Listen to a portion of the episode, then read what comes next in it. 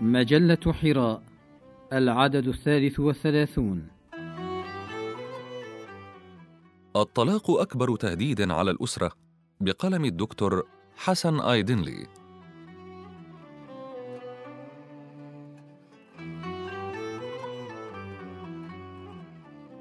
الزواج من المراحل المهمة في حياة الفرد وبه يتاح للفرد أن يغدو أبا أو أما.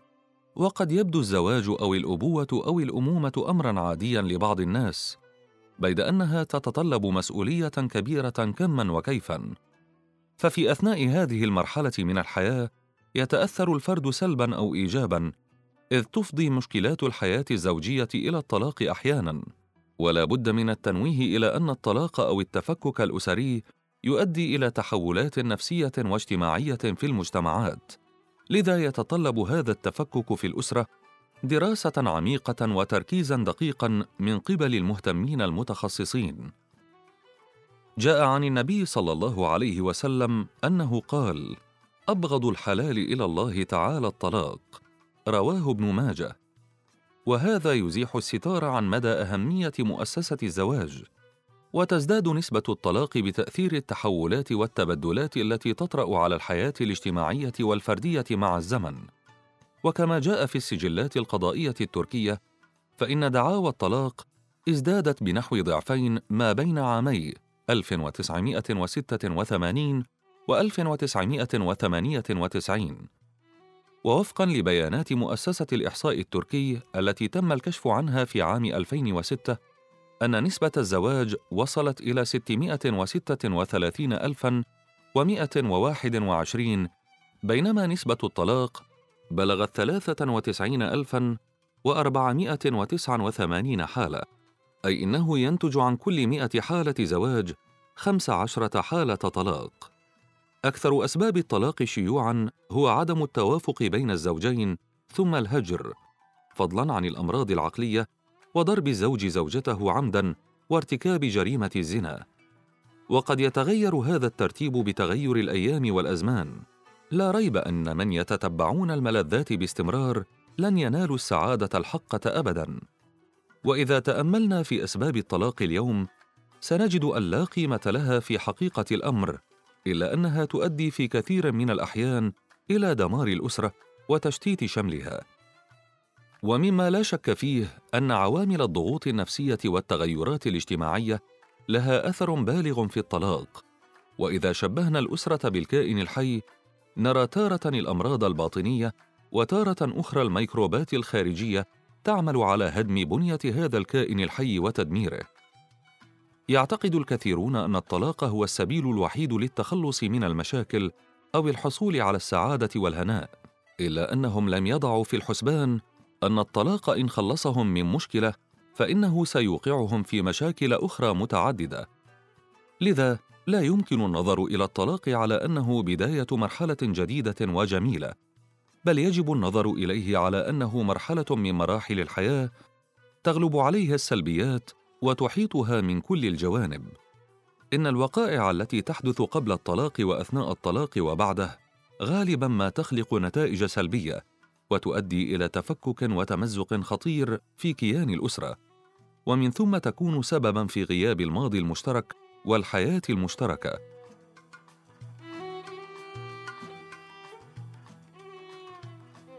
وقد بين الله تعالى في سورة الطلاق أحكام الطلاق منها زمن وقوع الطلاق ومدة العدة التي تمضيها بعد الطلاق قبل أن تتزوج المرأة مرة أخرى وغيرها كثير. فمن الواجب على المؤمنين أن يحرصوا أيما حرص على إدامة الحياة الزوجية والمحافظة عليها والا يلجأوا إلى هذا المسار إلا إذا غدت مشكلات الأسرة الداخلية جحيما لا يطاق. الجانب الروحي لدى الأسرة. الأسرة مؤسسة مقدسة وليست بضعة أفراد جمعتهم الصدفة فالإسلام قد أعطى الأسرة من المعاني الحقيقية ما أعطى. وبين المقومات الروحية والديناميات الحيوية لماهية الأسرة بأدق التفاصيل. ومن الأهمية التي منحها الإسلام للأسرة غدت الأسرة مؤسسة قوية رصينة في الحياة الاجتماعية. كما أن عقد الزواج في القرآن الكريم يعتبر ميثاقا ابديا يتطلب من الزوجين الالتزام به والشعور بالمسؤولية تجاهه لأنه حفظ نسل بني آدم والتكاثر والعفاف يحصل نتيجة الزواج. عندما بين القرآن الكريم مدى القرب بين الزوجين عد كل منهما لباسا للآخر. وهنا ينبغي لمن يقدم على الزواج أن يتذكر أنه بهذا العقد قد خطى خطوة دنيوية وأخرى أخروية. وهذا ليس لغزا محيرا بل إنه أمر لا بد من الانتباه إليه قبل الزواج. ومن يمعن حقا في بنية الأسرة وهيكليتها يجد أن الطلاق لا يلجأ إليه إلا اضطرارا. فعندما لا يستوعب معنى مؤسسة الأسرة ويدرك بحق يعتقد أن الطلاق أبسط وأسهل طريقة لحل المشاكل بينما النظرة إلى الطلاق على أنه الملجأ الأول في حل المشكلات اليومية مصدرها التوهم بأن كل شيء سوف يحل بالطلاق. ويعتبر اللجوء إلى الطلاق بسرعة من الأمور التي غالبا ما تؤدي إلى قرارات خاطئة وسلبية بيد أن المفضل في مواجهة المشاكل الأسرية التي يحتمل أن تقع في كل أسرة إحياء المحبة والاحترام المتبادل من جديد والتحمل على بعض المعاناة والدعاء المتبادل والتركيز على الجوانب الروحية. إن المسؤولية الكبرى لتكوين كيان الأسرة المعنوي والروحي تقع على عاتق الأبوين بالدرجة الأولى لأن الأبوين هما من يحدد الأولويات في الأسرة. وهذا الجانب المعنوي يتألف من قيم منها التضحية والإيثار وعدم الأنانية والتقدير والحب والتسامح والتضامن والتعاون وتأسيس السعادة والطمأنينة والصبر وعدم جرح مشاعر الآخرين بقول أو فعل. فإن انعدم الكيان المعنوي في الأسرة احتلت العوامل المادية موقع الصدارة فيها وبالتالي فإن العوامل المادية كالكمال والجمال والشهرة لا تقيم أسرة لأن اللهث وراء الملذات والشهوات المؤقتة ستهز حتما دعائم هذه الأسرة وتشتتها. فلن تكون الأسرة أسرة حقيقية إلا إذا كانت العوامل الروحية سائدة في كيانها. فالأسرة التي تخلو من المقومات المعنوية تكون عرضة لتعشش الأمراض فيها وقد تؤدي هذه الأمراض إلى تغيير سلوكيات الأفراد ومشاعرهم الودية تجاه بعضهم البعض ومن ثم إلى تغيير نظرتهم إلى الحياة يوما بعد يوم. والأسرة التي تتغير سلوكياتها ومشاعرها تتشابك أفرادها فيما بينهم وتخوض في صراع ظاهري حينا وخفي حينا آخر. وقد ينتبه الأطفال إلى الصراع الظاهري بسهولة فضلا عن أنهم ينتبهون أيضا إلى ما يخفى من مشاكل وشقاقات بين الأسرة. ومع مرور الأيام تتولد عند الأطفال مشاكل نفسية خطيرة.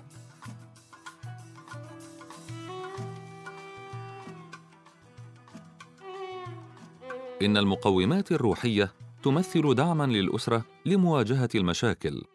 فالأسرة تشبه البنية السليمة. وكانت كالبنيان المرصوص لا يتصدع ولا ينهار بسهولة. الطلاق سبب للأمراض الروحية. البنية الشخصية والأخلاقية هما طريق تعزيز الروابط المعنوية في الأسرة. بينما تشكل الأمراض الروحية التي يخسر بها الفرد الحياة الأبدية خطرا على الشخصية المعنوية للأسرة. ولا شك أن أفراد الأسرة الذين يقترفون المآثم كشرب الخمر ولعب القمار والزنا يسهلون انفكاك الأسرة. وقد تزداد السلوكيات السلبية عندما لا يراعي الإنسان حقوق الآخرين وينتهكها بل إنها تنعكس مع الزمن على أقرب من يمارس هذه السلوكيات. وإذا بالروابط الأسرية تضعف وتنقطع بعد فترة معينة إن المخاطر التي تهدد الأسرة اليوم هي نفسها التي حرمها ديننا. ففي المنزل الذي يشرب فيه الخمر على سبيل المثال يشيع فيه العنف والفقر والاضطرابات السلوكية. أما من يرتكبون الزنا فإنهم في الحقيقة لا يضرون إلا أنفسهم ثم يفقدون أهم القيم والمبادئ تدريجيا. فالخمر والزنا والقمار والكذب من الأسباب الرئيسية في التنافر وعدم التفاهم داخل الأسرة لأن السعادة والثقة والتضحية لا تجتمع مع الخمر والزنا والكذب والقمار ومن ثم تتقطع الروابط الأسرية. الأنانية والحرص على السعادة الفردية تعتبر من الأمراض النفسية التي تؤدي إلى الطلاق. أما الذي يؤمن بالكيان المعنوي للأسرة يعكس ذلك إلى سلوكياته. فالسلوكيات التي تنشأ في جو من التضحية تحث الآخرين على التضحية والتأسي بها. أما الشخص الأناني الذي يرفض الرأي الآخر ولا يفكر إلا في مصلحته الخاصة فهو يفسد سلوكيات الآخرين أيضا. بعبارة أخرى إن الذين يرون التضحية يسلكون طريق التضحية وأما الذين يرون الأنانية يقولون سأكون أنا المضحي دائما لماذا؟ ومن ثم يبتعدون عن السلوك الإيجابي يوما بعد يوم. ونادرا ما تستمر التضحية من طرف واحد لأنها تتطلب صبرا كبيرا ومعاناة. والأنانية معناها تجاهل الآخرين حيث الأناني لا يفكر إلا بنفسه. ولأنه يركز على كلمة أنا دائما ينعدم عنده مفهوم نحن. كما أن الحرص على السعادة الفردية مظهر من مظاهر الأنانية. فقول سعادتي فقط ولا سعادة غيري يؤدي إلى عزلة الإنسان ويؤدي كذلك إلى الطلاق أيضا. عنصر المساواة في الطلاق. لكل من الرجل والمرأة واجبات وحقوق في النظام القانوني. ولما كانت خلقة الرجل تختلف عن المرأة اختلفت حقوق وواجبات كل منهما في الحياة الأسرية. وقد تم تحديد هذه المسؤوليات والواجبات لكل من الرجل والمرأة تجاه أولادهما بشكل واضح. ففي كتاب الله من سورة النساء أن الرجل هو رب المنزل وراعيه والقائم بالمهام الشاقة داخل المنزل وخارجه. وعلاوة على إدارة الرجل للمنزل فإن عليه تقدير زوجته ورعاية حقوقها. فالزوج مسؤول أمام الله وأمام نفسه عن صون عرضه وشرفه. فإذا أديت الواجبات والحقوق بنية حسنة في وسط أسري يعمه الحب والاحترام فلن يستاء أحد من أحد. أما احتلال المرأة لموقع الصدارة بإفراط وبلا ضرورة واستغلالها حريتها الاقتصادية ورقة رابحة تجاه زوجها وقولها أنا أملك المال ولا أحتاج إليك فسأفعل ما أريد. وغياب الاحترام والإحساس بالمسؤولية تحت اسم المساواة فذلك كله بمنزلة زرع ألغام تحت أسس الأسرة. والمبالغة في فكرة المساواة بين الجنسين أدخل المرأة في صراع مع الرجل فقضي بذلك على الطمأنينة ونشأ خلط بين دور الرجل ودور المرأة عقبه نظام أسري تشيع فيه المخاوف الاقتصادية. وأسفرت دعوة المرأة إلى العمل عن وجود أفراد في الأسرة مستعدين لقطع المودة والانفصال المادي. وإن كانت المشكلة تافهة.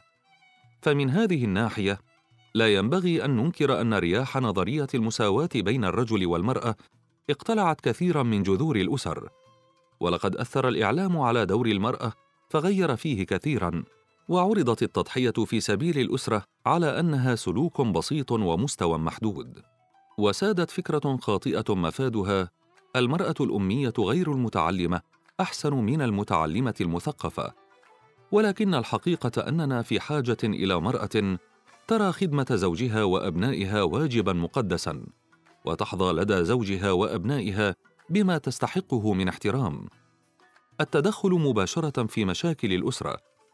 كل عائلة من الممكن أن تمر بأوقات عصيبة ومن المفيد في باب حقوق الزوجين وواجباتهما أن يقوم كل منهما بالكشف عن أمراضه المعنوية بأسلوب مهذب.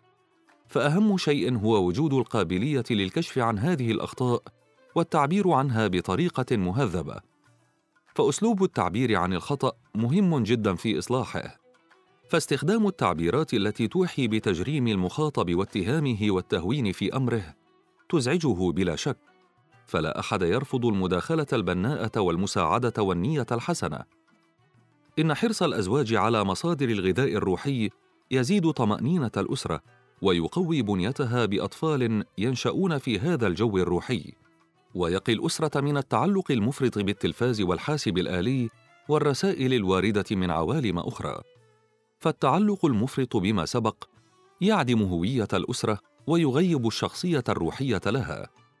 ينعكس حزن الإنسان المكتئب على تصرفاته أيضا. فالوالد كان ابا أو اما إذا كان غضوبا أو ضجرا أو متوتر الأعصاب فإن تصرفاته هذه تنعكس على الأسرة فتجلب لها الحزن والأسى. وها هنا تضطرب علاقات الأسرة وتتوتر وتخمد طاقتها الإيجابية.